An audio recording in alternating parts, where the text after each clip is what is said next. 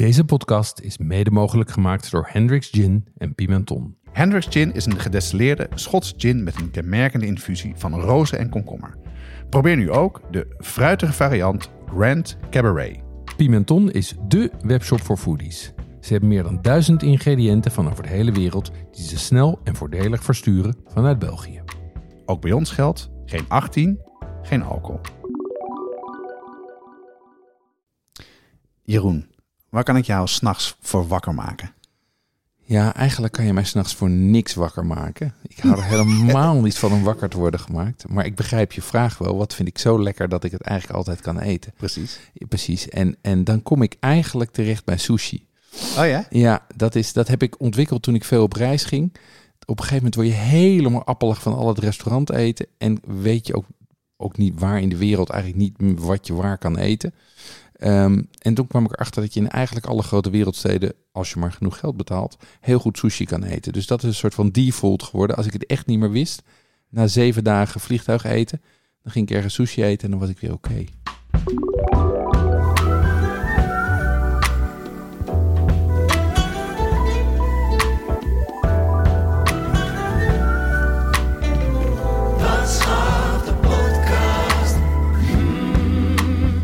Deze aflevering gaat over sous vide.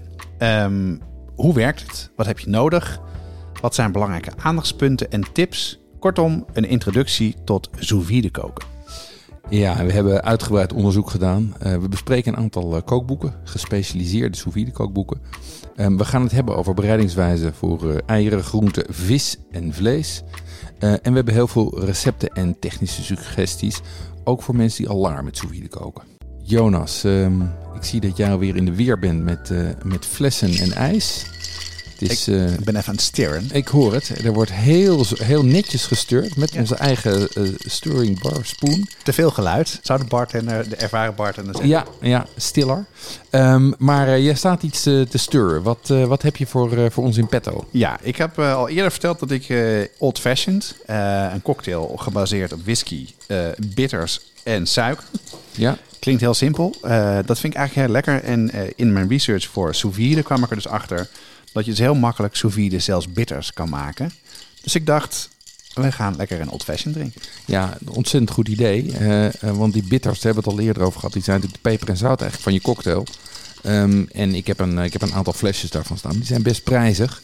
En ook niet helemaal naar mijn smaak. Dus ik kan me voorstellen dat het zelf maken van je bitters... dat dat weer een van de dingen is die ik aan mijn lijst van zelfmaak dingen ga toevoegen. Net zoals een urenlang steren, want dat moet je namelijk wel, oh, wel doen eh, hiermee. Het Ja. idee van Old Fashioned is, het is eh, gebaseerd op whisky. Ja, Ehm, ik heb daarvoor ehm, eh, Maker's Mark uitgekozen. Ja, dat is lekker. een bourbon. Ik heb heel wat van die, van die blogs bekeken, van die cocktailblogs. Van wat zijn nou goede whiskies daarvan? Dat wist Mhm. ik eigenlijk helemaal niet. En nou, deze kwam daar heel goed uit. En Ja. ik vind hem, ook, ik vind hem ook lekker, want je kan hem ook straight drinken. Eh, dan is hij ook nog lekker, maar niet te scherp. Maar past hier goed in. Ehm, dus dat, is, eh, dat zit erin. Dan zit er dus ehm, in dit geval geen suiker, maar suikersiroop in. ja. Ehm, twee barspoenlepels en dan wat druppels zelfgemaakte bitter. En deze keer is het speculaaskruiden bitter die we, die we gaan drinken. Mhm. Dus eh, ik heb nu goed geroerd. Dus het, het ijs heeft zich ook een beetje in water omgezet. Daarmee is hij kouder en een beetje aangelengd. En ik ga hem nu voor je inschenken. Lekker. Jonas eh, schenkt nu eh, uit het stirring glass over in de drinkglaas die al gevuld zijn met ijs. Ehm, en het ziet, er, eh, nou, het ziet er eigenlijk uit als, eh, als licht gekleurde thee. Het is wat minder donker dan, dan, een dan gewoon een pure bourbon. En als je hem ruikt, dan ruik je meteen die bourbongeur. Maar er komt ook al meteen iets van die speculaas eh, naar voren. Ik vind het een heel lekker cocktail voor later op de avond. Ja, heel gezalfd. Lekker. Ja, en dat gezalfd is echt een beetje dat suiker wat je Ja. proeft. En die bitters, ja, dat zit er wel in. Niet heel erg in, maar het zit... Ja, je proeft het. Het, is een het hint. wel- Het is ja. een hint van bitters. Voor mij mag er nog wat meer bitters. Heb je nog wat extra bitters? Zeker. Ik heel, ik heb een heel potje Je bitters. hebt een heel potje. Ja, ik zie het. Ja, want die, die bitters in die flesjes die zijn natuurlijk altijd super geconcentreerd. Dat is waar. Ehm, in die, ehm, eh, eh, in, dan, dan moet je zo, staat er een dash en een dash is dan eigenlijk een druppel. En van mij mag er wel een, eh, van mij mag er inderdaad wel wat meer bij. Dus we maken hem even wat pittiger. Mm. Beter. Ja. Eh, de- Wat er mist eigenlijk is nog garnering. Ehm, eh, je kan als garnering nemen een, eh, een sinaasappelschil. En wat, ik, eh, wat je dan kan doen, dat zei ik de vorige, vorige keer ook al, in bars, dan pakken ze die schil, dan pakken Mhm. ze een aansteker. Ja. En dan spuiten ze eigenlijk de olie even langs de aansteker met een vlammetje. En dat dan, landt dan op je drankje. Op Ja, ja, lekker. Hartstikke goed. Ehm, wat, eh, wat heb je de laatste tijd meegemaakt, Jonas? Mm. Hij is beter, ja, met meer. Ja, is Je, ru- je ruikt hem dan meteen. Ehm, wat ik heb meegemaakt, ja, ik heb ehm, eh, heel erg leuk. Ik heb ehm, een tijdje terug heb ik, heb ik, de, heb ik meegegaan aan een kookworkshop. Ja. Dat was ter eh, lancering van het kookboek De Bijbel van de Indiaanse Keuken. Ja. En nu hoop ik dat ik haar naam goed uitspreek. Het is Paulami Yoshi. En zij woont volgens mij vier jaar in Nederland. Mhm. En ze spreekt echt Dunglish, is heel lachen. Ja. Goed Engels, maar ze spreekt echt goed Nederlands ook. En we hebben een uur met best wel veel anderen. Met Vanja van der Leden, eh, met nou, Jacques Hermes en nog heel veel. En Rutger Bakt zat er ook bij. Best wel echt een hele leuke groep mensen. Hebben we dus in een uur tijd hebben we samosa's gemaakt. Ja. En we hebben een soort uienbeignets gemaakt. Met Mhm. kikkererwtenmeel en heel veel kruiden. En die je frituurt. Allebei gefrituurd. En het is een heel erg leuk kookboek. En het was ontzettend leuk om te doen. Dus dat, eh, dat is eh, ook leuk om eens te kijken of ze misschien ook voor onze brigadeleden dat zou willen doen. Leuk. Dus dat heb ik gedaan. Ehm, en ehm, ja, ik had al eerder gehad over de Fort 9 in Amsterdam. De Ja. bakker die er open is. Ja. Nou, dat had Lieven gehoord Mhm. van de, de, de, podca de kaaspodcast.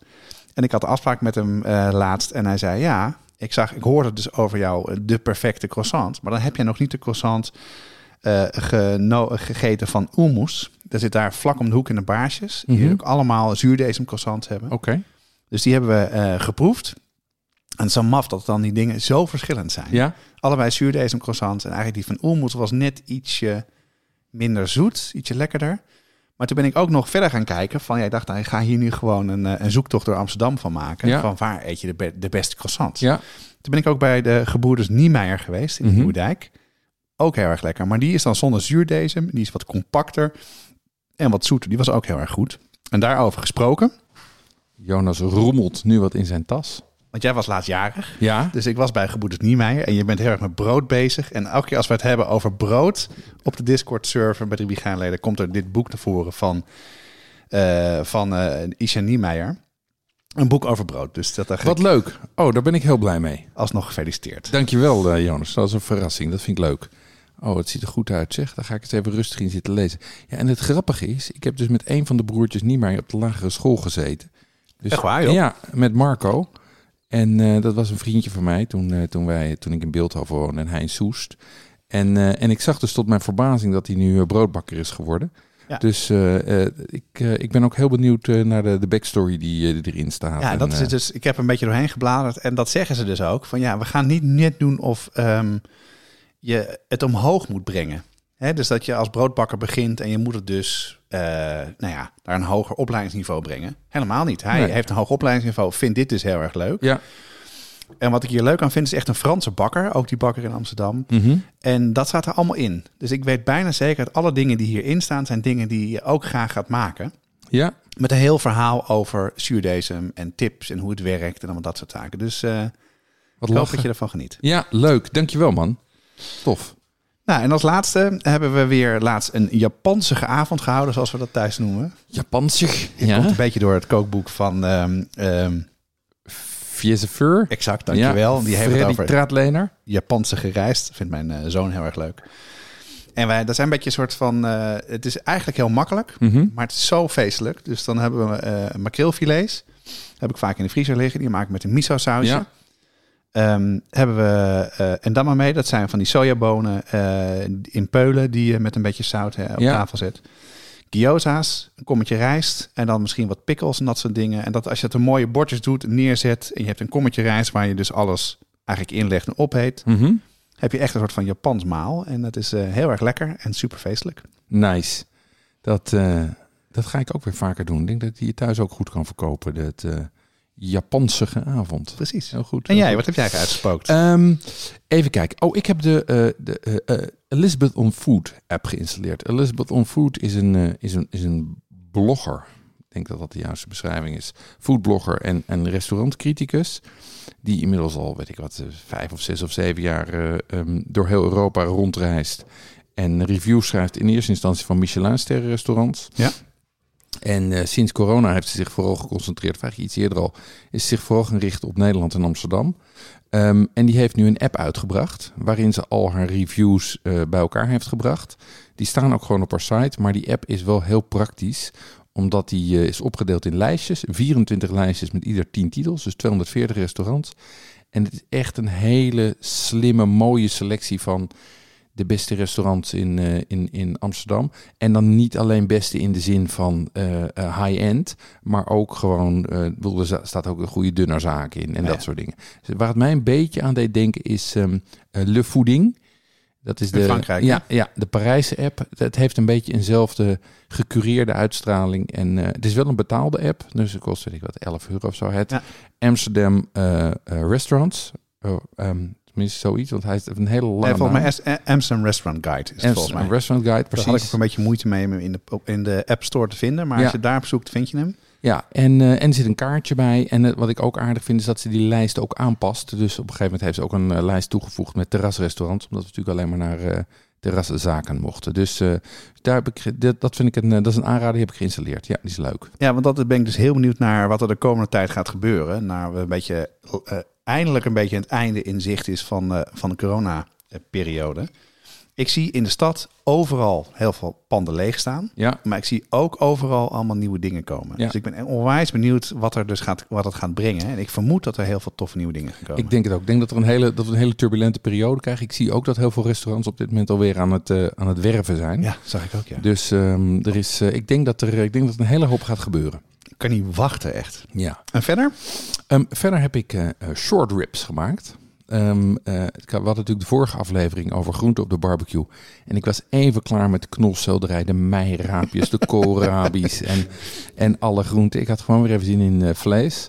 Ehm, en eh, Joy, die we ook in de vorige aflevering hebben besproken, die heeft een e-book gemaakt, All Fired Up. En er stond een heel mooi ribsgerecht in. Ehm, en die heb ik dus op mijn kamado, nou weet ik wat, tien uur of zo laten garen. En die waren subliem. En wat maakt dat gerecht dan, eh, dat recept dan lekker? Wat, wat, eh, wat was daar goed, goed aan of Wat, interessant aan? wat, nou, wat er goed aan is, is dat het sowieso gewoon een, een helder stappenplan is van hoe je het moet doen en waar Ja. je op moet letten. Ehm, want eh, ribs is wel een van de, samen met brisket, wel een van de ingewikkeldere dingen om te maken. Dus je moet een aantal stappen door en daarbij ook letten op de temperatuur. En je timing is belangrijk. Ehm, en bovendien heeft zij een eigen sprits. Dat is zeg maar waar je bespuit als het is ingepakt, de ribs. En die is slim, want daar zit eh, niet alleen eh, appelsap in en appelsieder, maar daar zit ook eh worcestersaus in. Ah, dus ja. dat geeft nog extra diepte. Ehm, dus, eh, dus dat was, eh, was, was ontzettend lekker. Wat ik wel weer was vergeten is hoe zwaar het is. Dat weet je ook nog wel van het bezoek aan Pendergast. Oh ja, echt wel. Ja. Ja. het is echt, je moet echt, ik bedoel, ik, ik had twee kilo en daar blijft dan na barbecue blijft en bo- botten eruit halen, blijft er acht ons van over. En we waren met z'n zeven. Ik dacht, dat is veel te weinig. Ja.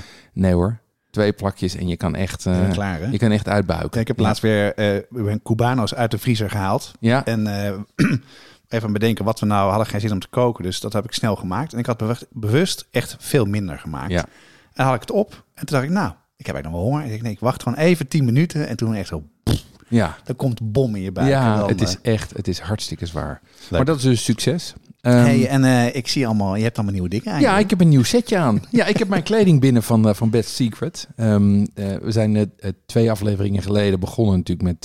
werden we benaderd door een sponsor. En toen hebben we gezegd van ja, eat your own dog food. Dus als, wij het, als het goed genoeg is voor onze luisteraars, is het goed genoeg voor ons. Dus, ehm, eh, en ik heb mijn, inmiddels mijn setje binnen. Ik moet zeggen, dat ging uitstekend. Dat Ja, wat was daar dan uitstekend aan? Wat nou, eh, wat er uitstekend aan was, was dat het gewoon, gewoon goed was. Dus wat mij, wat, wat mij prettig trof, was dat ik een. Ik had vier dingen besteld. Dat het in een kleine doos zat. Dat vind Ja. ik altijd fijn, want ik heb een ontzettende hekel aan. Dat ik met een klein bergje kleding en een hele grote berg verpakkingsmateriaal ja, sta. Allemaal aparte dozen. Allemaal aparte hekel aan. dozen, ontzettende hekel aan. Dus dit was gewoon compact ingepakt, keurig met een, met een kaartje erbij en een briefje. Ehm, en het was gewoon precies wat ik had besteld en snel bezorgd. Veel sneller dan ik had verwacht, want Ja. dat, je bestelt in Duitsland, maar het wordt geleverd uit Maastricht. Dus dat was een. eh, dus wat dat betreft eh, eh, is het Best Secret eh, heeft bij ons ja, heeft goed gescoord. En je, alles past je, je hoeft niks terug te sturen. Ik, ik hoefde niks terug te sturen. Nee, dat, terwijl ik echt, nou ja, zoals een man, zoals een man, een beetje seksistisch, maar zoals een man shopt. Ik heb gewoon klik, klik, klik, vier dingen bij elkaar geklikt en in, de, in, het, in het mandje gegooid. Het was allemaal goed. Jonas, we hebben een aflevering gemaakt over hot sauces. Dat deden we samen met de mannen achter Heat Supply. Deze hot sauce bazen hebben zelf ook een serie saus uitgebracht. Rijmakers, heetmakers genaamd. Ja, en dat zijn sauzen die niet alleen maar focussen op hitte, maar ook op smaak. En dat is voor ons een kenmerk voor een goede saus. Ze lopen op in pittigheid, eh, van de milde immune booster tot aan de brain buzzer die behoorlijk heet is. En eh, wat ik er zo leuk aan vind is dat het een echt Nederlands product is en dat het prachtige flesjes of doosjes zijn. Nou ja, een flesje die uit een doosje steekt. Eh, heel mooi en eh, leuk als cadeau. Je vindt rijmakers heetmakers op heatsupply.nl of vraag ernaar bij je delicatessenzaak. Eh, we hebben het al vaak eh, genoemd in verschillende afleveringen, maar nu gaan we het er echt over hebben. Het is tijd om het over sous vide te hebben. Ehm, jij bent er pas net mee begonnen, toch? Ja, ik heb het gekregen voor mijn verjaardag dit jaar. En ehm, ja, toch nog niet heel erg vaak gemaakt, maar wel, eh, maar wel echt in verdiept. Voor mij is het, eh, is het nieuw, voor jou niet. Eh, en wat ik had, eh, ja, wat we nu vaker doen en wat me heel goed bevalt, is we hebben een aantal kookboeken uitgezocht. We hebben tips gevraagd ehm, aan onze brigadeleden. En bijvoorbeeld Naomi Kev, die bij een kookboekwinkel van Duikelman werkt. En gevraagd van ja, wat zijn goede boeken? Die hebben we doorgenomen. Ehm, en het lijkt mij leuk om gewoon in mijn zoektocht van... Ik heb eh, drie kookboeken doorgelezen, recepten vergeleken... om eigenlijk mee te gaan in mijn soort van voorbereiding op eh, meer met sous vide gaan koken. Dus eh, dat was mijn idee. Helder, helder. Ehm, dus hoe heb je het aangepakt? Nou, wat ik al zei, ik heb dus drie kookboeken gelezen. Ik Mhm. heb, eh ze heten allemaal sous vide. Sous vide van Thomas Keller. Dat Ja. is een hele beroemde Amerikaanse kok met heel veel toprestaurants. Ehm, die is van eh, culinair karakter. Ik heb sous vide van Bas Robbe, een Nederlands kookboek Mhm. van Good Cook uitgeverij. En van ehm andere is een vertaling uit een Engels, of het is een Engels, nee, het is een vertaling uit een Engels boek. Dat is Sous vide voor thuis van Lisa Vetterman. En dat, is, ehm, dat waren de drie boeken die ik heb doorgenomen. Heel goed. Daarnaast hebben we het op de Discord-server van waar onze brigadeleden op zitten, hebben we het er best wel vaak over gehad. Mhm. Vooral Maarten Trappelaar had heel erg veel tips, dus die eh, hebben we gebruikt. En ik vertrouw ook een beetje op jouw ervaring, want jij bent er al wat langer mee bezig, toch? Ja, dat klopt. Ja, ik doe het een jaar of vijf, zes, zoiets. Ja, Oh ja, ja, ja. heb ik ook zo'n staaf gekregen en ben ik, daarin, eh, ben ik daarmee begonnen. Ehm, hoe waren die verschillende boeken? Ja, dat was wel. eh, ik was eigenlijk wel blij verrast, moet ik eerlijk zeggen. Hm. Want zeker als je begint, eh, zijn die boeken heel goed, omdat je daarmee. De kernvraag namelijk is welke temperatuur en hoe lang, met welk soort, soort bereidingsproduct. Dat staat er gewoon echt heel goed en duidelijk in. En dat kan je ook makkelijk terugvinden. Eh, het boek van Thomas Keller is, eh denk ik, de, het meeste informatie over sous vide. Mhm. Dus, ehm, maar het is echt een super high-end boek. En er staat ook letterlijk in het boek: ik heb het boek niet voor thuis gemaakt, maar gewoon voor chefs over de hele wereld. Ja, ja. Dus een mega ingewikkelde, super toffe recepten. ja. Maar wel echt voor een keer een speciale avond of als je gewoon een week lang wil koken. dus dat, eh, maar wel een, een fantastisch mooi kookboek. Ja, en Thomas Keller is natuurlijk van de French Laundry. Hè? Dat is een eh, drie sterren Michelinzaak in de Ja, VS. absoluut. Dus dat is high-end. Ja. En hij heeft nog meer restaurants. Dus, eh. Het andere boek was van Vetterman. Ehm, dat is een leuk, uh, sous vide thuis. Dus een leuk allround boek.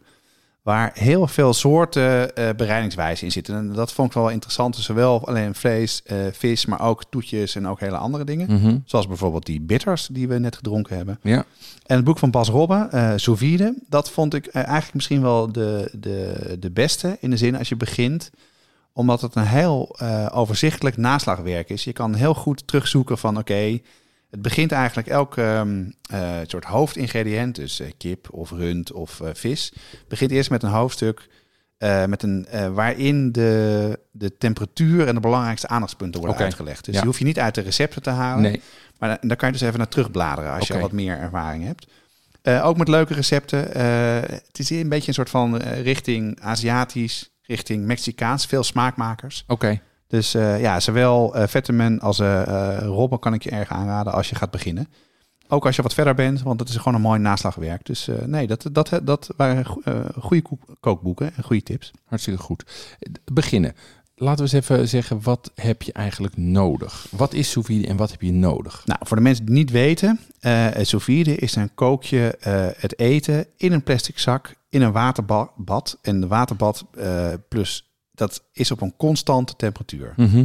Ehm, dat eten, in, die- in dat, eh, dat stop je in die zak, dat vacuumeer je. Je eh, stelt de temperatuur in. En het voordeel daarvan is dat dus die smaken blijven in die zak zitten. Die Ja. lekken niet uit in kookvocht of iets anders. Ja. Eh, en dat is het enige grote voordeel. Het andere is dat het garingsproces kan je super controleren. Dus je kan iets op een kerntemperatuur maken en het gaat nooit verder. En dat is het mooie van die apparatuur. Die zorgt er gewoon voor dat die temperatuur gelijkmatig blijft. Duurt wat langer wel dan je, dan je gewend bent. En ja, ik was er nooit aan begonnen, omdat vroeger... eh, ik heb wel al die tv-series gekeken als Masterchef en dat soort dingen. Ja. En daar zag je ze allemaal wel in zitten. Maar dan was ik in de kookboek, kookwinkel en dan zag ik die mega bakken staan voor heel erg veel geld. Ik denk, ja, waar moet ik dat nou in mijn keuken kwijt? Mhm. En ga ik het nou wel zo vaak gebruiken? Maar nu je zo'n zo'n staaf hebt, dat is Ja. eigenlijk een, een staaf die je in een pan water of in een bak water zet. Mhm. En die kan je goed instellen. Kan je zelfs ook nog met je telefoon instellen.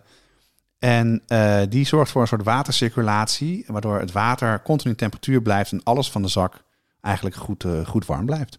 Ja, en het is natuurlijk eigenlijk, het, is, het wordt in professionele keukens al tientallen jaren gebruikt. Met dure apparatuur. En het is natuurlijk vooral die Club Anova die op een gegeven moment met die staaf is gekomen. Ja. En eh, daarmee bereikbaar heeft gemaakt voor, eh, voor, voor de, de ambitieuze thuiskok. Ja, en dat kan je dus. Ik heb ook een Anova staaf en je kan ze best betaalbaar, ik geloof dan tegen de 100 euro, Ja. tot wat duurder kan je ze kopen. En die kan je goed opbergen en, en kan je doen. Ik ben net begonnen. Ehm, jij zei net al dat je ongeveer vijf jaar bezig was. Mhm. wat, wat spreekt jou dan aan sous vide koken? Ja, wat, wat mij eraan aanspreekt zijn een paar dingen. Ehm, het is heel gecontroleerd. Dus je kan heel precies je bereiding doen. Ehm, en, en dat je niet te ver doorgaart. Of dat je bijvoorbeeld juist heel lang op een lage temperatuur zit om bijvoorbeeld bacteriën te doden. Of om garing te krijgen die je alleen met lange temperatuur op een vaste, vaste niveau krijgt. Ja. Ehm, en wat ik er ook heel prettig aan vind, is dat je er heel goed mee eh, ontkoppeld kan koken.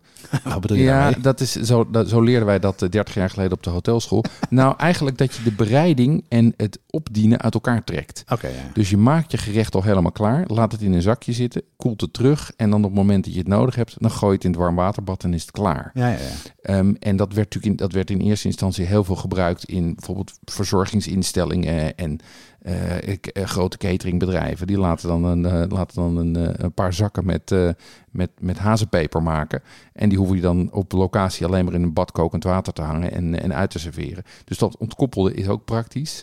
Ehm, ik ben ooit, beg- een- net zoals de meeste mensen, die beginnen met een steak. Want je kan natuurlijk een steak op perfecte garing daarmee krijgen. Maar eigenlijk is dat het minst interessant. En daarna ben ik ja, eigenlijk van alles daarmee gaan doen. Dus eh, groenten en vis en zoete bereidingen. Ehm, en nu gebruik ik het gerichter. En ook vooral bij, eh, bij uitgebreide diners. Als ik, als ik meerdere groentegarnituren heb, is het gewoon ontzettend makkelijk om die bak met kokend met warm water op je bank te hebben staan. Ja, daar heb je vier of vijf zakjes in hangen. T- Twee met groenten, twee met aardappels en één met saus. En het is allemaal precies warm. Je hoeft alleen maar open te knippen. Dus het is heel praktisch wat dat betreft.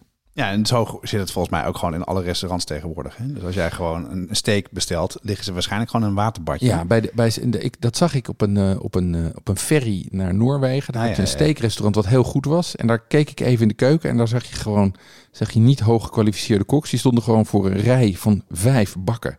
En in die bakken stond gewoon rare, medium, medium rare, well done. En het enige wat die jongens hoefden te doen was als een order binnenkwam. Zakje eruit, openknippen, even op de plaat en door. Ja, ja. ja ik heb dus een Anova eh, stok, Ja. of eh, staaf. En ik heb ook een Anova bak gekocht uiteindelijk. Die kon ik op een gegeven moment eh, de aanbieding kopen. En die, het fijne daarvan was dat die bak wat eh, smaller was en hoger. Ja. Zodat hij dus wat minder ruimte inneemt. Er zit ook een rekje in waar je dus met eh, knijpers het, de zakjes goed in kan Mhm. zetten. En er zit een, eh, een soort van, eh, niet rubber, maar een beetje plastic rubberen deksel overheen die je er, er overheen kan doen. En ik kan daar dus alles nu ook in bewaren en heb ik zo in mijn kast gezet. Oh ja. Wat heb jij dan? Ik heb, eh, ik heb wel die Anova. Die, ik heb volgens mij een van de eerste. En, en daarna, en die heb ik gewoon in zo'n zo'n Hema-bak staan, zo'n plastic bak. En als het dan, als de temperatuur boven de 60 graden gaat, dan begint uitdamping wel een probleem te worden. Ja. En die damp kan dan ook in de controle-eenheid van die staaf terechtkomen. Dus dan doe ik er gewoon klingfilm overheen. Ah, Oké. En dat werkt. Dat werkt prima. En als ik hele kleine dingen te doen heb, zet ik het gewoon in een pan op de hoek van mijn fornuis. Ja, dat doe ik ook wel. Dat werkt ook prima. En wat ik overigens ook weer ben gaan doen hierdoor, is dingen wel vacuüm verpakken, maar ze dan in de stoomoven bereiden. Want niet alles heeft die precisie nodig. Weet je, asperge bijvoorbeeld heeft niet die precisie nodig. Maar is het wel fijn dat je gevacumeerd bent. Dus dan vacumeer ik het wel. Maar dan donder ik het daarna gewoon in de stoomoven. Dan voel ik ook niet de hele setup tevoorschijn te halen. Ja, ja, ja. Ehm, goed, jij bent inmiddels, eh, jij, jij hebt je eerste schreden gezet op het, uh, op het, op het uh. Um, wat heb je ervan opgestoken? Nou, wat ik, van, ik heb dus al die boeken gelezen en met jou over gehad, en met leden van de brigade over gehad. En een paar dingen waar je op moet letten is ehm, dat je het goed vacuumeert. Mm -hmm. dat je dus, um, de, het, voor de mensen die het kennen, je hebt speciale plastic zakken daarvoor. je hebt een apparaat, dat is een vacuumeerapparaatje. Dat, daar leg je die zak leg je in, dan druk je op een knop, dan uh, zuigt hij de lucht eruit. En maakt hij meteen, smelt hij het. Zoals je waarschijnlijk ook wel eens bij de, de slager ziet of wat dan ook. Ja. Um, die zijn uh, hartstikke goed te doen. Waarom dat goed is? Omdat als je te veel lucht in, in zo'n zak hebt zitten, dan gaat het drijven. Mhm. Mm -hmm. En je gaat het in water en het moet dus on, ondergedompeld blijven. Een ander belangrijk ding is dat water geleidt de temperatuur veel beter dan lucht. Ja. Je moet voor, voor de grap maar even mentaal uh, voorstellen. Je hebt een oven op 100 graden en je hebt kokend water op 100 graden. Waar wil je liever je hand in steken? Uh, in geen van beide, maar als het moet in de oven. Ja. Oven is goed te doen. Ja. En in het water heb je meteen je hand van. Dat is precies hetzelfde wat dus met het eten gebeurt. Dus dat is belangrijk. Nou, wat ik al zei. Je moet ze niet plat neerleggen, maar rechtop staand. Mhm. Mm -hmm. dus daarom werkt zo'n rekje goed. Want dan kan het water aan alle kanten er goed langs lopen, uh, komen. En kan je veel zakjes tegelijkertijd erin doen. Mm -hmm. um, en uh, wat je ook kan doen, kwam ik bij meerdere mensen tegen, is... Soms is het moeilijk om het echt helemaal luchtvrij te krijgen. Maar dan kan je dus uh, een lepel of een mes of steentjes kan je mee vacuumeren. Slim. Slim. En soms kan je daar gewoon een apart, je kan het dus in apart stapjes doen. Dus alleen de, de, de bijvoorbeeld, nou ja, misschien heb je wel wat, uh, wat steentjes of zo. Die ja. doe je dan in. En dan blijft het goed draaien. Goed, uh, gaat het goed onder water. Goed idee, ja. Um, wat ik altijd de uitdaging vind bij vacuumeren zijn vochtige dingen. Ja, oh ja, zeker. Um, dat is uh, overigens, de professionals hebben daar een oplossing voor. Die gebruiken een kamervacuumeerapparaat. Ja, ja, maar ja, dat is een apparaat van 600, 700 euro. Dat is... Dat zie je ook bij de, bij de slagers volgens mij, toch? Precies. Dan zie je hem gewoon in, een soort bak eroverheen ja. en dan is het Ja, dus zeg maar een soort van, een soort van, soort van doom uh, die vacuüm wordt gezogen. En daar ligt die zak in. En vervolgens gloei je hem dicht. En dan komt de lucht er weer bij. En die, als je dus vocht gebruikt, kan dat heel goed. Als je zo'n uh, zo'n eenvoudig vacuumeerapparaat hebt als wij, dan is het ingewikkeld om vochtige dingen te vacuumeren. Want als je natuurlijk begint te pompen, begint hij op een gegeven moment ook water te pompen. En nou ja, daar heb je al een aflevering over verteld. En je gaat je apparaat kapot ook. Je apparaat gaat kapot, je kan hem niet dichtsmelten. Maar daar zijn ook oplossingen voor. Hoe, wat doe jij dan? Ja, ik heb, ik heb drie dingen eigenlijk uh, uh, die, ik, uh, die ik deed. Um, in plaats van vacuumeren kan je ook gewoon een ziplock bag gebruiken. Oh, ja. En als je die ziplock bag zeg maar in het water laat zakken, dan drukt het water daaromheen, drukt de lucht eruit. Dan doe je hem ziplock bag dicht en is hij dicht. Ja. noemen ze wel de waterdompelmethode. De waterdompelmethode werkt heel goed, maar is wel wat minder stevig. Want ik heb ook wel eens gehad dat dan toch het ritsje onder water komt. En dan loopt er water in en aan. Dan is de ellende niet te overzien. um, Zeker als je haast hebt. Ah ja, precies. Wat ook een slimme is, die ik bijvoorbeeld bij mijn gehaktballen gebruik, is dat ik het uh, vochtige gedeelte, gedeelte bevries. Ah ja. Dat is een tip die ik een keer van een restaurantchef heb gekregen. Die zei, ja, je kan gewoon je jus of je rode wijn of wat dan ook, die bevries je. En die doe je in je zak en vervolgens uh, kan je hem wel gewoon vacuumeren. En dan ontdooit het terwijl je het in het water doet. Exact, Ja, exact. goeie. En, en de laatste was een tip van uh, Maarten Trappelaar. Die zegt, je moet hem de zak laten hangen. En wat ik meestal doe, is de zak ligt plat op mijn uh, werkbank. En dan heb ik het vacuumeerapparaat ernaast. Maar wat je natuurlijk ook kan doen, is dat je die zak laat hangen zeg maar, van je werkbank af. En alleen het, uh, alleen het randje in, je, in je apparaat steekt. En daarbij zuig je dan geen, zuig je natuurlijk veel minder vocht aan. Omdat dat dan helemaal omhoog moet worden gezogen. Ja, dus waterkracht, of, het zwaartekracht helpt ja, daarbij. Ja, slim. Wat ik ook nog wel eens doe, is ik heb dan twee... Um, snijplanken Mhm. die dan dezelfde hoogte zijn als het vacuumeerapparaat, Ja. zodat ik dus niet dat hij niet naar beneden valt, zo, want dat het eruit glijdt. Dat werkt nog wel goed. Oh ja. En wat ik ook geleerd heb is dat en dat verbaast me eigenlijk wel, dat wist ik helemaal niet, is dat het, als je vacuumeert moet het eten, en vooral vlees of vis, moet zo koud mogelijk zijn. Oké, okay, waarom is dat? Nou, omdat uh, wat je doet met vacuumeren, je trekt dus de, de lucht eruit, dus Ja. de luchtdruk verlaagt. Ja. En eh, het is ook zo dat als jij eh, eh, de, op de Mount Everest bent en je gaat water koken, dan gaat het sneller. Want je hebt minder, minder luchtdruk, dus het Ja. water gaat sneller, sneller koken. Ja, ja. En in het boek van Thomas Keller staat ook dat ze dat in, in workshops of in, in uitleg gingen ze vaak dan zo'n vacuumeerkamer in. Daar deden ze dan een potje eh, kokend water. En op het moment dat het, de, de, het vacuüm trok, ging het meteen koken. Ja. Dus wat doet het? Als het, het vlees te warm is, of andere producten, dan gaat het direct zodra het in met, met 60 graden of met 50 graden komt, bijna direct koken. ja. En dan wordt het dus, trekt het vocht er meer uit, wordt het toch ook minder lekker. Dus het is eh, ook en veiliger. Mhm. Maar gewoon het beste truc is gewoon alles uit de ijskast in een zak en dan in het warme water. Dan. Ja, ja. Ja, en eh, eh, sowieso is, is voedselveiligheid natuurlijk wel een ding, hè? Zeker, ja, absoluut. Want je moet, je zit, je bent dus natuurlijk lange tijd op, op, op een constante temperatuur. En je zit wel in de buurt van temperaturen waarbij andere organismen graag willen groeien. Ja. Dus belangrijkste tip eigenlijk die ik eruit heb, uit heb gehaald, is dat als je het meteen gaat eten, is er geen probleem. Maar als je het bereidt en later gaat eh, eh, gebruiken, bijvoorbeeld zoals jij in je, met je etentjes, etentjes zit, dan moet je het dus niet uit zo'n waterbak halen. Maar dan moet je het direct heel erg terugkoelen Ja. in een ijsbad. En ij- dat is niet een beetje water met wat ijsklontjes, maar dat is met heel erg veel ijsklontjes. Want dat moet heel snel moet het naar een lagere temperatuur gaan. Dan kan je het in je ijskast stoppen of dan kan je het invriezen en dan kan je het verder doen. Maar je kan dus niet eh, uit het water halen en in je ijskast doen. Dan heb je gewoon een groot, loop je echt best wel een groot risico. Ja, dat is, die, die gevarenzone die ligt ongeveer, en dat hangt een beetje vanaf welke definitie je neemt, maar ergens tussen de 7 en de 40, 45 graden. Daar moet het zo snel mogelijk doorheen. Zowel bij het opwarmen als bij het afkoelen. Dat is nog een reden om dat te doen. En dat is dat sommige groenten in die, bij die temperatuur verkleuren. Dus als je wil dat bijvoorbeeld boontjes mooi groen blijven, dan moet je zorgen dat ze snel van die zeg maar 70, 80 graden, 90 graden waarop je ze gaart, teruggaan naar onder de 15. Want anders worden ze zo zeg maar olijfgroen in plaats van dat spattende groen. Ja, ja. Dus Nou, één groot nadeel van sous vide is dat omdat je dingen in een waterbak bereidt op een constante temperatuur, is het vlees qua eh, is sappig en mals en fantastisch. Alleen de buitenkant is een beetje grijzig. Ja. En heeft geen mi- miljardreactie, miljardreactie. Dus dat is eigenlijk de, de reactie die je krijgt als je vlees eh, aanbakt. Dan, ehm, ja, dan, dan, dan verkleurt het. Dan geeft het extra smaak mee. En, en dat is het enige wat je wel moet doen. Dus je moet het zo timen dat als je gaat, gaat, eh, gaat opdienen, dat je nog even in een pan moet doen. Of zoals heel veel mensen zeggen, met de gasbrander even aanbranden. ja. Ehm, hoe, jij hebt daar meer mee geëxperimenteerd volgens, Ja, mij. ja. Waar, waar ben je op uitgekomen? Ja, ik ben begonnen met die brander. Want het mooie natuurlijk met die brander is dat die geeft alleen maar zeg maar oppervlakkige hitte.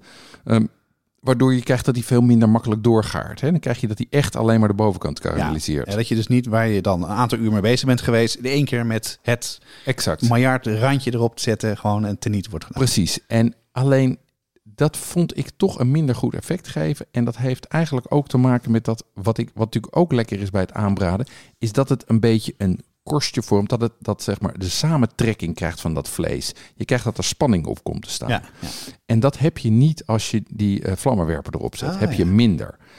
Dus ik ben weer gegaan voor een, eh, een cast iron, dus een, eh, een, een, een gietijzeren pan. Zo'n koekenpan, skillet noemen ze dat ook wel in goed Ja. Nederlands.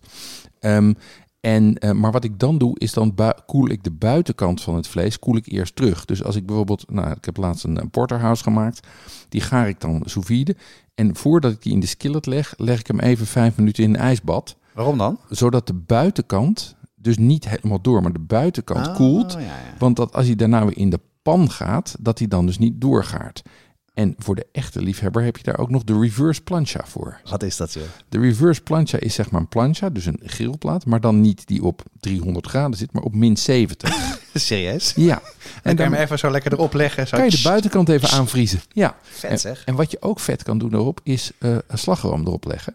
Want dan krijg je dus, als je geklopte slagroom erop legt, krijg je dat hij een mooie rechte, bevroren ijsbuitenkant krijgt. Dus daar kan je vierkante ijsklontjes mee maken, die van buiten bevroren, eh, bevroren slagroom zijn En van binnen nog en van binnen gooey.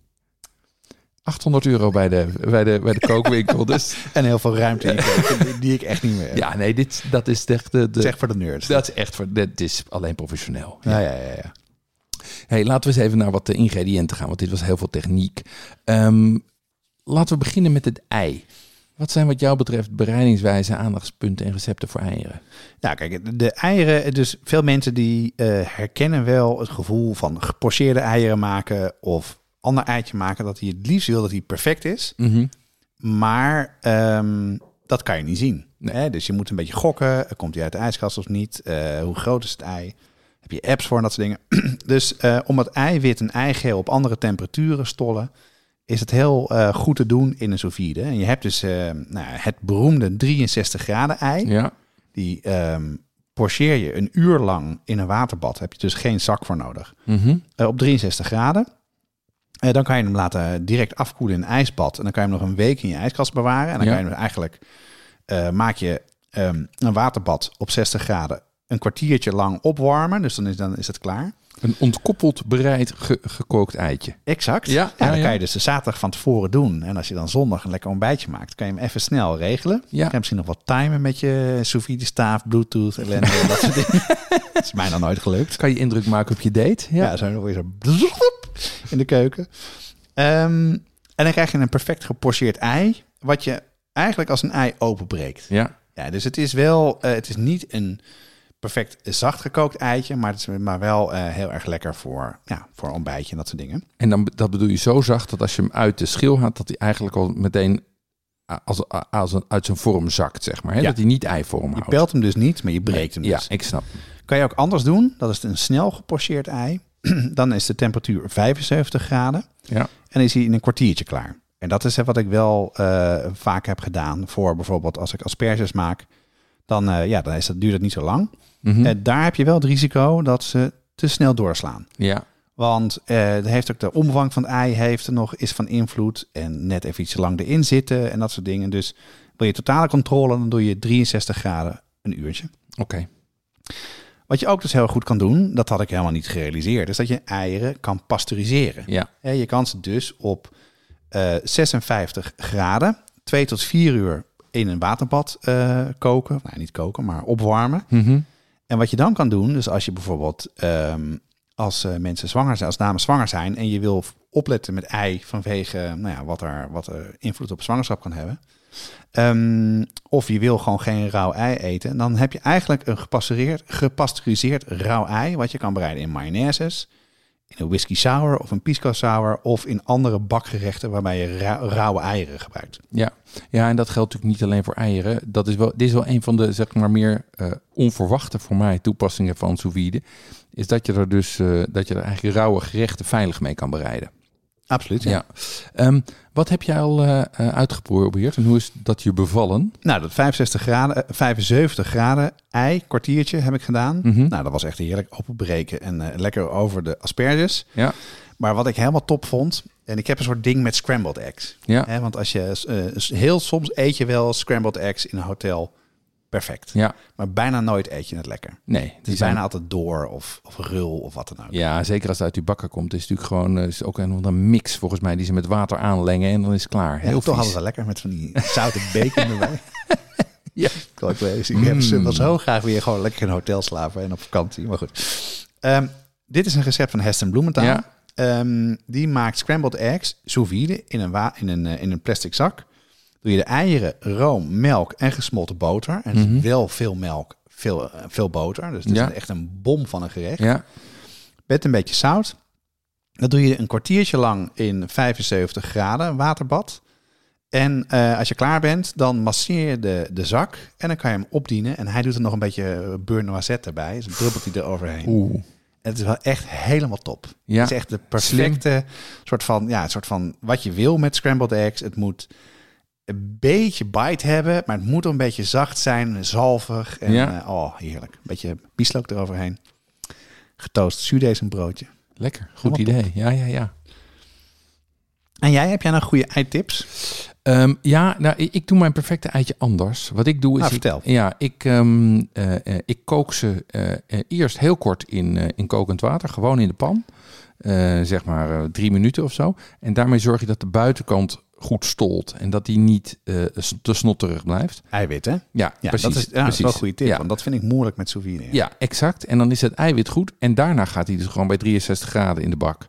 En, eh, en, en dan zijn ze perfect. Ja, Altijd. En dan, dus dan Wat je dus doet is 63 graden. Je zorgt ervoor dat de eigeel perfect wordt. En het eiwit heeft al een tik gehad van het koken. precies. precies. En, en die kan ik dan ook zeker eh, eh, met die pubers hier, die natuurlijk eh, in de, die, die ergens tussen 9 en 2 opstaan.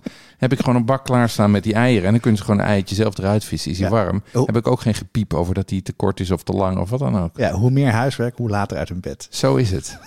Verder nog een andere? Ehm, ja, ehm, ik vind het bereiden van ehm Bearnaise saus heel makkelijk. Vertel. Nou ja, wat je doet feitelijk is je doet eh, eh, ehm, je, je gastriek, dus zeg maar je ingekookte eh, azijn en witte wijn en kruiden, die doe je in een bak. Twee eigelen erbij.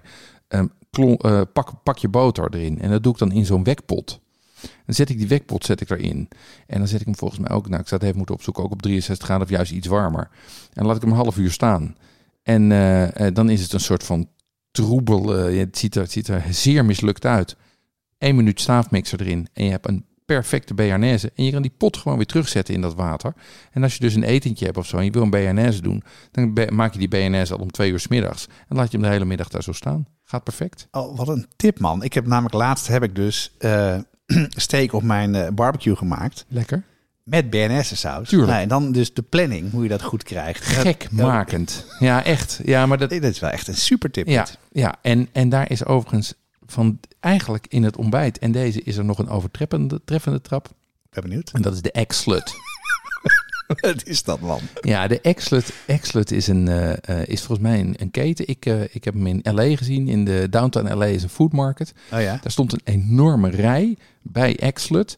En wat ze daar verkopen zijn kleine glazen eh, potjes, van die wekpotjes, met onderin eh, een hele romige aardappelpuree en daarbovenop een eitje. En dat wordt dus in grote bakken op 63 graden gehouden. Ehm, en, ehm, eh, en die kan je dus, die, koop je dan als ontbijt. En dan krijg je een paar sour, eh, zuurdesem crackers erbij. En die doop je dan zeg maar in dat potje en in die aardappelpuree. En dat roer je door elkaar. En dat is een uitstekend ontbijtje. Aardappelpuree, hou dat vast. Ja. Ehm, eh, heb jij een, eh, een recept uit een van de kookboeken gekozen, eh, Jonas? Ja, ik heb uit het eh, kookboek eh, van Sofie van Bas Robben heb ik ehm ex-Benedict gekozen. Dat is zo'n gerecht wat ik inderdaad bijna niet zelf maak. Maar toen ik dit las en nu jouw hele verhaal over BNS-saus, wat inderdaad daar ook met Hollandaise saus in staat, Ja. toen dacht ik, ja, dat is eigenlijk heel erg goed te doen.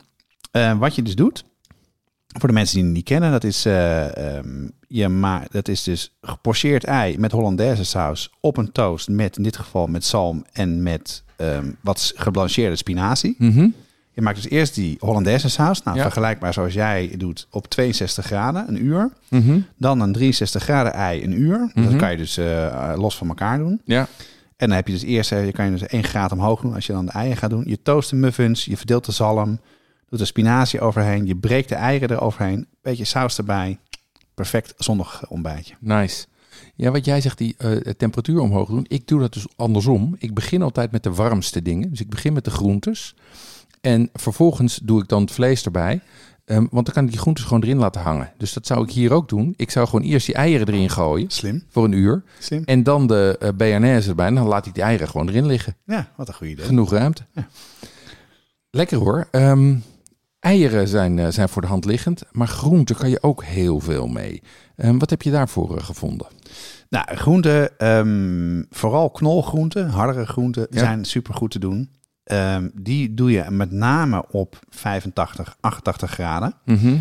Eh, echt groene groenten doe je niet, dat is zonde. Dat, Ja. daar hou je niks van over. Maar wat daar dus het, het fijne van is, de, de smaak die wordt zuiverder. Mhm. Want er gaat niks verloren in het kookvocht. Ja. En waar je dus vaak met bepaalde groentegerechten smaakmakers toevoegt, zoals laurier of andere dingen, dan moet je nu wel echt opletten als je het uh, sous vide maakt, want die smaak wordt veel intenser. Ja. Sowieso van het product zelf. Ja. En een van de tips die ik tegenkwam is dat je dus die smaakmakers even in vershoutfolie wikkelt en Mhm. dan erbij doet. En dan voorkom je dus dat er contactsmaak komt, om het zo maar te zeggen. Slim. Slim, ja. Want ik heb wel eens gehad dat ik eh, volgens mij worteltjes met eh dragon deed. En dat, ik dan, en dat er dan twee of drie wortels waren die allemaal groene vlekken hadden zitten. Waar de dragon namelijk tegen die wortel aan had gezeten. Maar dit is een slimmer om het in folie te doen. Ja, en dus waarschijnlijk veel meer naar dragon smaken dan andere wortels. ja, maar dat is sowieso met sous vide. Omdat je dus geen kookvocht hebt, wordt het allemaal veel intenser. Dus je moet heel voorzichtig zijn met je, met je, eh, met je smaakmakers. Ja, en volgens mij moet je gewoon met de helft terugbrengen bijna Ja. van normale gerechten. Ehm, en ehm, heb jij eh, recepten gevonden die daar goed bij passen?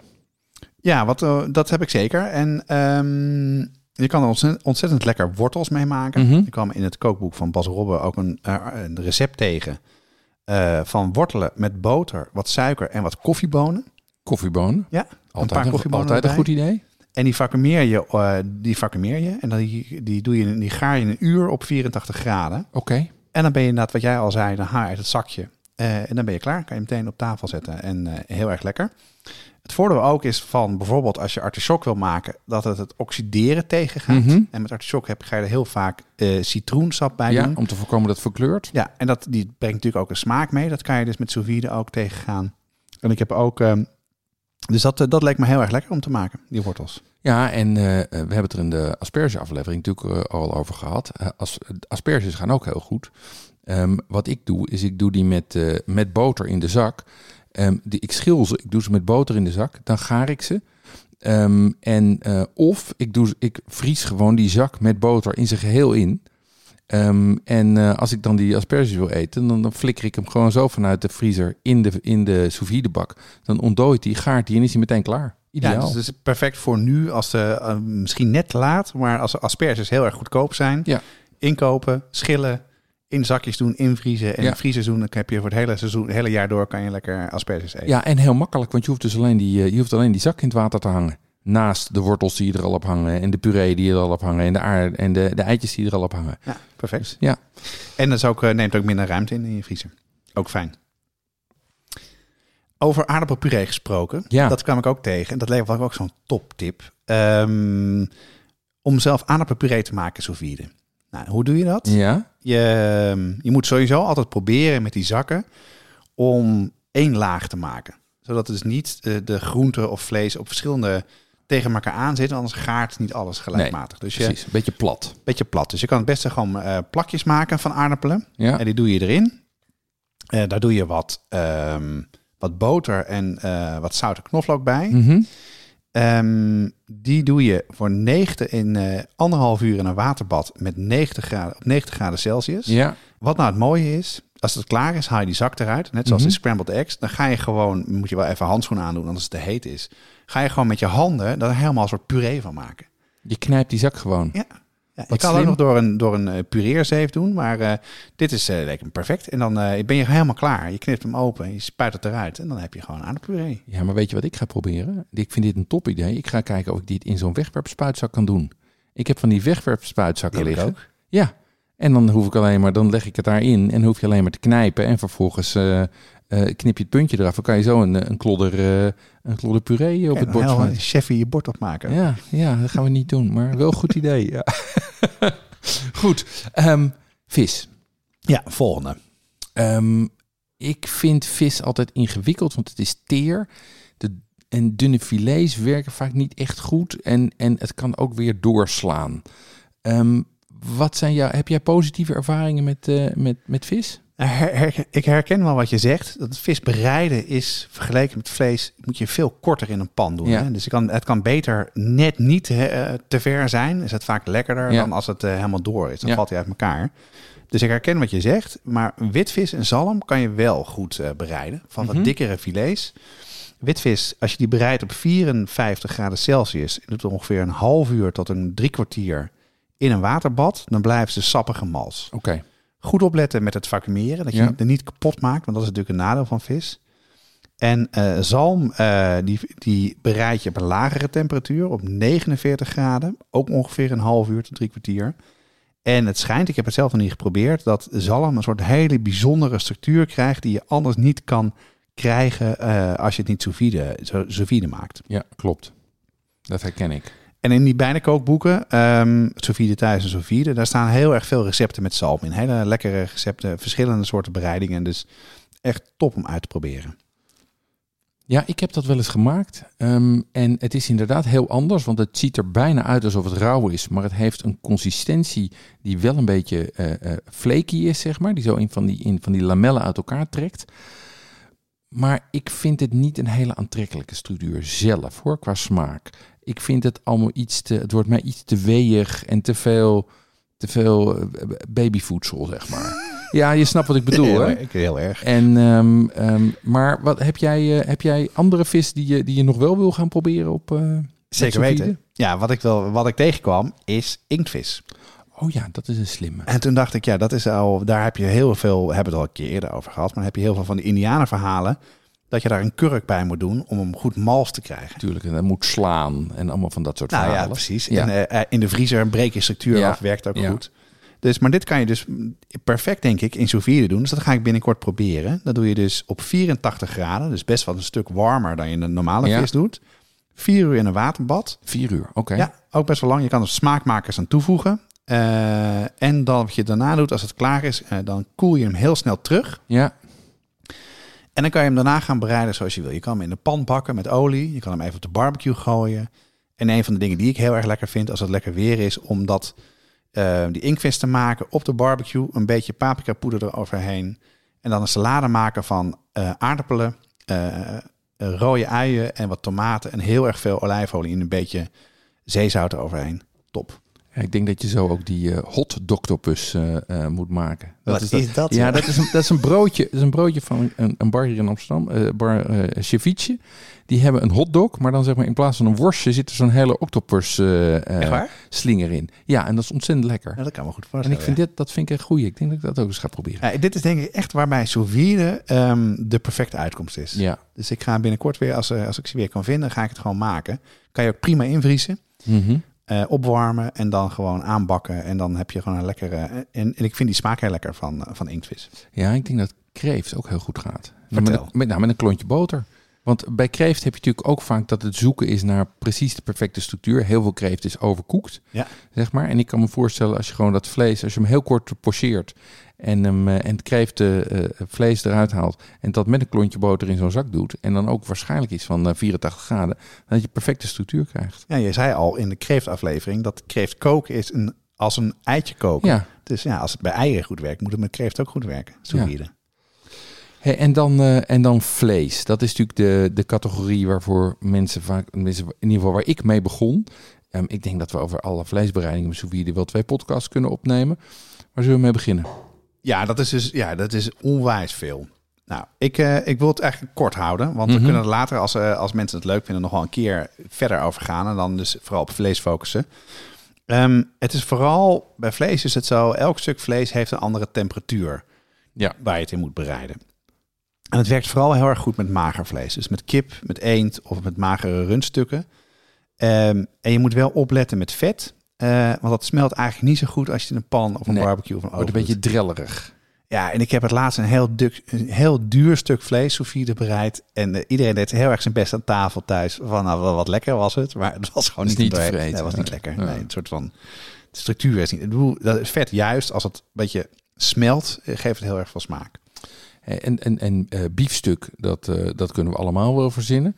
Ben jij in die, eh, die mooie boeken van je ook nog eh, andere interessante recepten tegengekomen? Ja, ik moest meteen denken aan de fried chicken aflevering. Want ik kan namelijk een recept tegen van eh, fried chicken en waffles. Ah, chicken and waffles, chicken and waffles, pork, pork, die. ja, precies. Ja, ja, ja. Waar ik laatst, jij bent er een keer in Amsterdam, is dat namelijk een... Ja, Q's Kitchen. ja Topzaak. dan. Ja, dat is een, dat is een, dat is een, een jongen die staat ehm, op verschillende plekken, maar heel vaak op, de, de, op het plein naast Bijlmermarkt. Die heeft, staat daar in een caravan.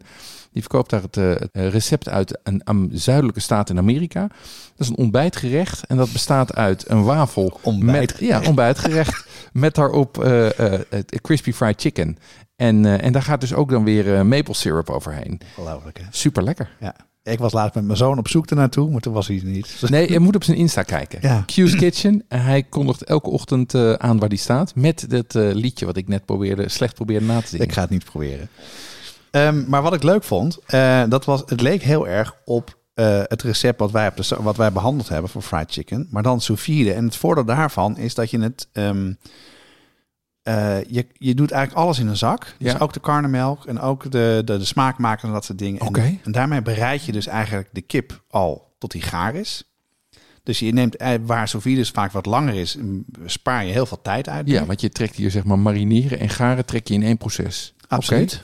Eh, en een, het andere voordeel ook is dat je mm, het vlees is eigenlijk gaar, dus geeft veel minder vocht af. Dus als je het frituurt, dan eh, gaat er niet een soort van stoom ontstaan, waardoor de, de krokante buitenkant ervan afvalt. Dus het- Slim. ja, dus ik zat wel te denken aan twee keer frituren zou ik niet doen. Nee. Maar één keer en dan even goed erop plakken, dat eh, leek mij een goeie. Dus dat vond ik wel heel grappig toen ik dat zag. Dus dat, dat leek me heel erg leuk. Een Ja. ander, ander gerecht is kippendijen met specerijen en Mhm. labneh. eh, kwam ik tegen. Ja. En wat ik ook leuk vond, is geconfijte, geconfijte eendebout. Maar dan zonder vet. Oh, wat slim. Ja. Want dat, dat, dat beetje vet wat erin zit, dat smelt wel weg. En eigenlijk, ja, eigenlijk is het natuurlijk gewoon confijten, maar dan onder, eh, onder eh, vacuüm. Wat slim. Ja, het ene Oh. het is wel een, heel, een gerecht wat heel lang duurt. Ja. Het confijt duurt natuurlijk ook best wel lang Ja. eigenlijk. Ehm, je gaat het eerst pekelen.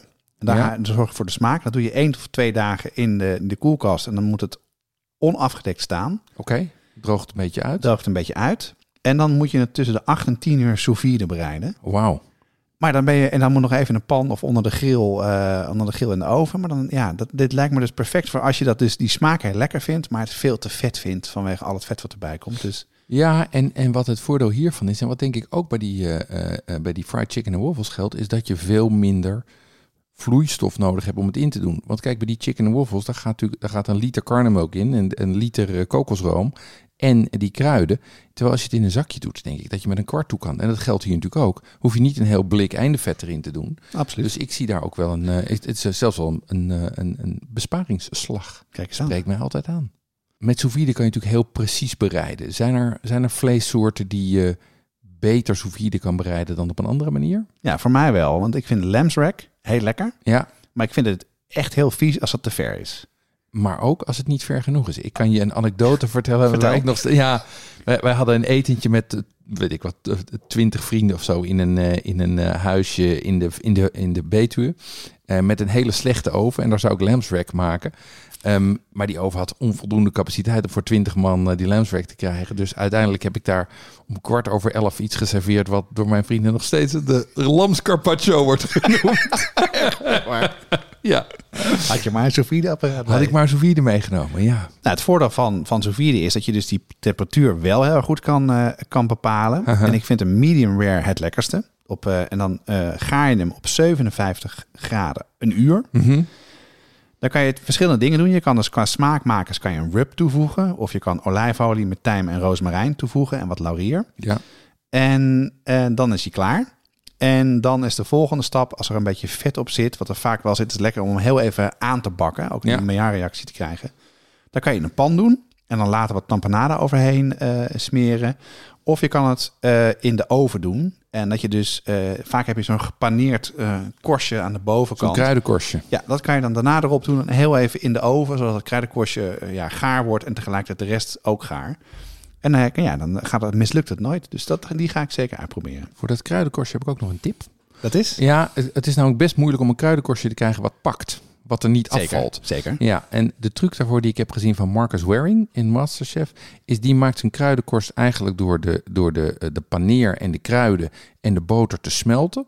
Die te storten in een, eh, in een bak. En dan wordt het een heel dun velletje, zeg maar, een heel dun plakje. En die vouw je er gewoon omheen. Wat een goed idee. Ja, Ja. zomaar gratis. nou, en dan het laatste. Eh jij begon er al over van, ja, wat, eh, wat maken de meeste mensen? Ik ook. Is namelijk de ribeye. Ja, En eh, in het boek van Bas Robben staat een, de bereiding van ribeye met rozemarijn en knoflook. En wat hij zegt is dat je de ribeye eh, flink zout, Ja. dat een avond van tevoren doet en ook in de ijskast zet, onafgedekt. ja, er zijn meer mensen die dat eh, eh, adviseren, ja? Ja. en dat doe je omdat door het zouten wordt de smaak goed, Ja, ehm, maar het houdt ook de vocht goed vast, het vlees. Ja. Dus het blijkt sappiger. Dus dat, en wat je dan doet, in het recept heeft hij het over een 4 centimeter dikke steak die je gebruikt. nice.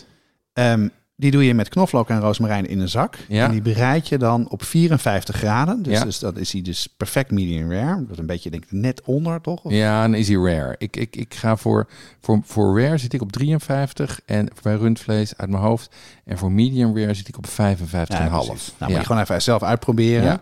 Ehm, dat doe je twee uur. Mhm. En hij zegt eigenlijk de, de, de gaartijd is per centimeter dikte vlees. Dus dat is een half uurtje.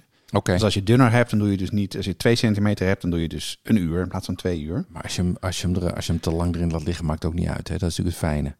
Ja, Ja, als, precies. veel te lang wel. Hè? Je moet hem niet 8 tot 10 uur erin laten half liggen. uurtje, dat is niet Half uurtje, drama. uurtje extra nee, precies. Nee. Nou, wat je daarna doet, is wat jij ook eh, vertelde al. Het is een eh, gietijzeren pan, loei heet maken. Dan Ja. 30, se- 30, 40 seconden dichtschroeien. Ja, En dan komt hij, dat vond ik eigenlijk een hele goede tip. In een nieuwe pan, die dus niet zo heet is, smelt je boter, knoflook en rozemarijn. En dan ga je het vlees nog even kort arroseren. Dus dan doe je het vlees nog 30 seconden in die pan. En met een lepel, dan bedruip je eigenlijk het vlees, zodat die smaak en die boter nog heel goed bij Ja. En dan eh, heb je een perfecte ribeye. Ja, wat ik hier dus zou doen, is ik zou hem tussen de sous vide en de gietijzeren pan even in een bad met ijs leggen. Voor twee of drie minuten, zodat, want anders slaat die buitenkant toch door, Ja, is mijn ervaring. ja misschien dat daarom wat 54 is, maar goed. Oh is ja, dat zou ook kunnen. Ja, dat hij daar wat marge heeft ingebouwd. Ja. Ehm, en ik vind ribeye eigenlijk minder geschikt door het vet. Want als je goede ribeye heeft, heeft hij best veel vet ertussenin. En dat in de sous vide smelt dat toch minder goed dan in de pan. Ja, had het over, Ehm, ja, eens. Waar ik het wel heel erg geschikt voor vind, is voor de ossehaas die je in de beef wellington stopt. Kijk eens Want, aan. want dat is altijd ontzettend lastig om die, om die, laat ik zeggen, om de buitenkant krokant te krijgen. Hè? De, de, de, de bladerdeeg en de binnenkant goed gegaard. En de truc die ik daarvoor heb, is dat ik gewoon eerst die ossehaas perfect op garing breng. Helemaal terugkoel, gewoon naar nul. En hem dan inpak met de hele verpakking. En dan hoef ik me geen zorgen te maken over de cuisson. Dan hoef ik alleen maar te kijken of de buitenkant goed is. Slim. Wel eens gemaakt? Ja. Ja. Nou ja, ik dan nooit. Is leuk. Is, is leuk om te doen. En is ook wel een, eh, eh, is ook natuurlijk altijd wel een spectaculair gerecht eh, om te eten. Heb je nog andere interessante ideeën? Ja, weet je, die kookboeken, dat was ik wel een openbaring. Want ik verwacht vooral, verwachtte vooral gewoon hoofdgerecht en zo. Ja. Maar je kan er dus ook perfect toetjes mee maken. Alles wat een soort custardbereiding is. Hè, Ja. Dus waar je dus eh eigeel moet opwarmen en voorkomen dat het dus scrambled eggs wordt. Kan je perfect maken. Zoals crème brûlée. Ja. Daar kan je dus alles gooien in een zak. Dus eh, ei, suiker, vanille, slagroom en een klein beetje zout. Doe je op 83 graden, een uur lang. En dan is het klaar. Dan eh, knijp je er, of knip je er een gaatje in. Verdeel je het over schaaltjes. Zodat je drie uur koud worden in de oven. Suiker eroverheen. Gasbrander. Perfecte crème brûlée. Dus dat eh, vond ik heel top. En wat dus ik heel leuk vond, en waar we dus mee begonnen zijn, is dat je dus het ook heel goed kan gebruiken om olie te infuseren. Of om chiliolie te maken of andere dingen. Of je eigen bitters voor je eigen cocktails, zoals ik eh, vandaag gemaakt heb. Ja, dat vind ik een heel goed idee. Ehm, want ik ben net, ik heb net zelf eh eh, piment dram gemaakt. Dat hoort bij mijn, bij mijn langlopende tiki-activiteit. maar die moest twee weken of zo trekken in rum. Ik denk als ik die gewoon met, een, met een fles in de sous vide zet op eh, 55 of 60 graden, dat ik in een uurtje of, of, of in een paar uur klaar ben. Ja, dit was, ik heb het gemaakt in een zak. en het was 60 graden een uur. En het was goed. Ja, En het voordeel daarvan is dus het verdampt niet. En het er was ook in het boek een, een, een manier om eh gembersiroop te maken. Wat lekker is voor een penicillin cocktail.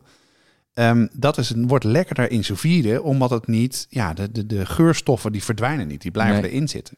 ja Dus, en eh, ik neem gewoon van die beugelflessen Ja, dat- en die zet ik gewoon in zijn geheel erin. Nou, dan ga ik het volgende keer ook doen. Ja, dat is veel niks, geen geklier met zakken en zo. Gewoon hup, fles nat, erin. nat vacuumeren en dat soort ellende. Ja, ellende, ellende.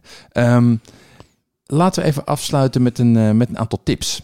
Ehm, eh, ik heb ook nog wel wat, eh, wat ideeën van dingen die ik daarmee doe. Nou, vertel. Ehm, het eerste wat ik doe, maar dat is eigenlijk vooral met gewoon vacuumeerapparaat, dat is het pekelen van vlees of vis.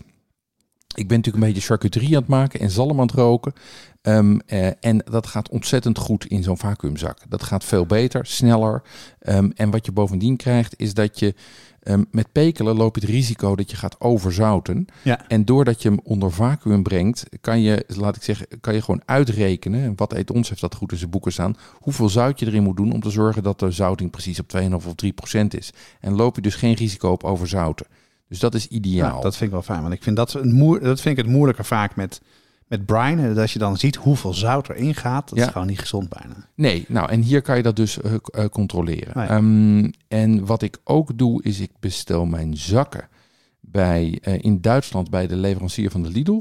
Er zit in het, als je bij de Lidl een, eh, vacuumeerapparaat koopt of die rollen, zit er een klein flyertje bij van bestel bij ons direct. Ik weet niet of de mensen bij Lidl dat doorhebben, maar ehm, en dan kan je dus gewoon eh, via per post kan je die rollen bestellen Goeie tip. voor weinig. Ja, geef maar door.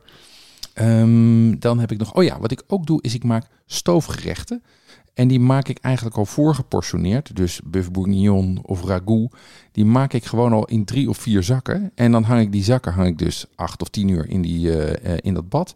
Daarna in het ijsbad. En dan gaan die zakken linea recta de vriezer in. En dan kan ik dus als ik een keer eh ragout bolognese of zo wil maken... hoef ik alleen maar zo'n zak tevoorschijn te halen. Even in een pannetje met kokend water en klaar. Wat een goed idee, ja. Ja, Ja. heel makkelijk. En ook prettig. Zo'n vacuümzak neemt veel minder ruimte in dan een koelkastbakje. Zeker Dus je kan veel meer kwijt. En de laatste tip die ik heb, die is een exoot. En dat is door, die, door dat pasteuriseren kan je natuurlijk ook nu dingen rauw gaan eten die je normaal niet rauw kan eten. En een Zoals? van kipfilet. Echt waar. Ja, dus dat is lekker. dat is, dat, ik vond dat wel lekker. Wat je doet is, ik, ik maak dus een kipfilet rare. En volgens mij heb ik hem op nou, 54 graden gemaakt of zo. Ja, ja. Met smaakmakers. En dan krijg je dus een kipfilet die eigenlijk de structuur heeft van een biefstuk. Dus niet zo droog, maar structuur van een biefstuk, maar de smaak van een kipfilet. Oh, ik, zou, ik, ik kan me dat heel goed voorstellen, maar het, in mijn hoofd zou ik gewoon niet kunnen. Kortsluiting. Nee, Nee, dat snap ik. Dat snap ik. Ja, dat snap ik. Nou, heb jij nog tips? Ja, een paar dingetjes. Ehm, wat ik heel erg leuk vond, eh, was ook een, een tip die we ergens gekregen hadden, was namelijk eh, dat je er de perfecte geklaarde boter mee kan maken. Ja, Maar ik zit ik altijd met die klieren. Ja, met een pannetje en dingetje. Ja. Nou, dat is wat je dus doet. Je doet eh, boter eh, zo koud mogelijk, kan je goed vacuumeren. Ehm 85 graden Celsius, een half uur in een waterbad. Wat er dan gebeurt, is dan de, de vaste delen, bestandsdelen, het melkeiwit, zakt naar de bodem. Ja, En daarbovenop drijft het vet. Aan de bovenkant knip je een gaatje eruit. Doe je een zeefje in een, in een potje. Giet je het erin. Ben je klaar. Heb je echt de perfecte geklaarde boter. slim. Slim. Wat je ook zou kunnen doen, is dat je dat zakje neemt, dat je het even in de koelkast zet. Want dan stolt de boter bovenop en kan je aan de onderkant gewoon de, eh, de, de melkeiwit eruit gieten. zou je ook kunnen doen. ja. Zou ook werken. Ja, Ah, nice. Tips galore. En als laatste, ehm, de, de producent van de staven die wij hebben, Anova, Ja, eh, die heeft een hele goede website met heel erg veel recepten. En ook een soort van blogs en dingen. Dus daar kom ik wel vaak op terug om ook eh, naast deze kookboeken die we behandeld hebben, om daar nog je inspiratie te vinden. Dus ga ermee aan de slag. Het is echt eh, een avond. ik vind het een ontdekkingsreis. Maar nu van jou ook weer zoveel tips gehoord. Dat, ja, dat is echt een goede aanvulling op je, in je keuken en je, in je kookrepertoire. ja het, is, het, is heel, het is een hele fijne techniek om te hebben. Zeker met etentjes of met dingen te maken. Je kan er gewoon dingen mee die je anders niet kan. Ehm, over dingen die wij anders weinig doen. Vegetarisch repertoire. Wat, eh, wat heb je daarvoor bedacht? Nou, ik, eh, het leek mij leuk. Eh, ik heb eh, ehm, de samosa's gemaakt Mhm. bij die workshop voor rondom het kookboek De Bijbel van de Indiaanse Keuken. En ik heb Paulami even een berichtje gestuurd van mogen we jouw recept gebruiken? Dat mogen we. En eh, wat je doet, en dat is, eh, ik, dat zou ik zelf niet zo snel maken. Omdat ik denk, als ik een, gere- een gerecht zie waar je zelf deeg moet maken. Ik denk, nou, dat, eh, dat duurt lang. Dat viel dus heel erg mee. Vijf, tien minuten heb je het gedaan. Je doet het dus in een, in een schaal of op je, op je werkblad. Doe je boter, een beetje, eerst een beetje olie. Dat, Mhm. dat, dat, dat doe je met je vingers er doorheen. Er wordt wat ruller van. Wat water bij. Dan maak je een bal van tot die soort vast wordt. Kneed een heel klein beetje. En dan zet je het weg. Laat je Mhm. het rusten. In het begin denk je, nou, het is te hard. Als je dan na een half uurtje pakt, is hij heel soepel en, eh, en Oh ja? goed geworden. Ja, echt, dat werkt perfect. En dan, eh, eh, dat maak je dus met aardappelen die je kookt.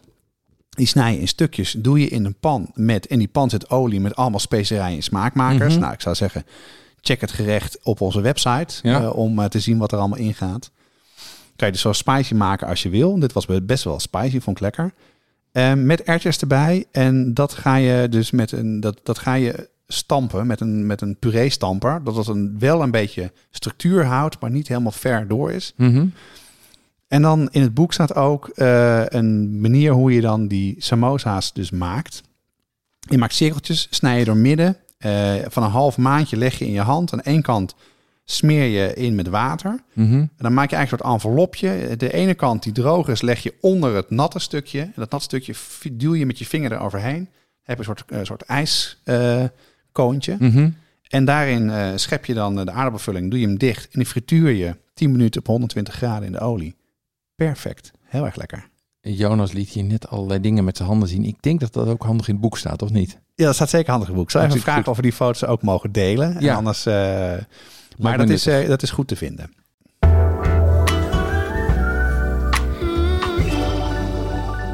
Als je deze podcast luistert en leuk vindt, abonneer dan. Dan blijf je op de hoogte van een nieuwe aflevering. Dat kan je nu meteen doen door eh subscribe of te abonneren in Apple Podcast of op te followen of te volgen op Spotify.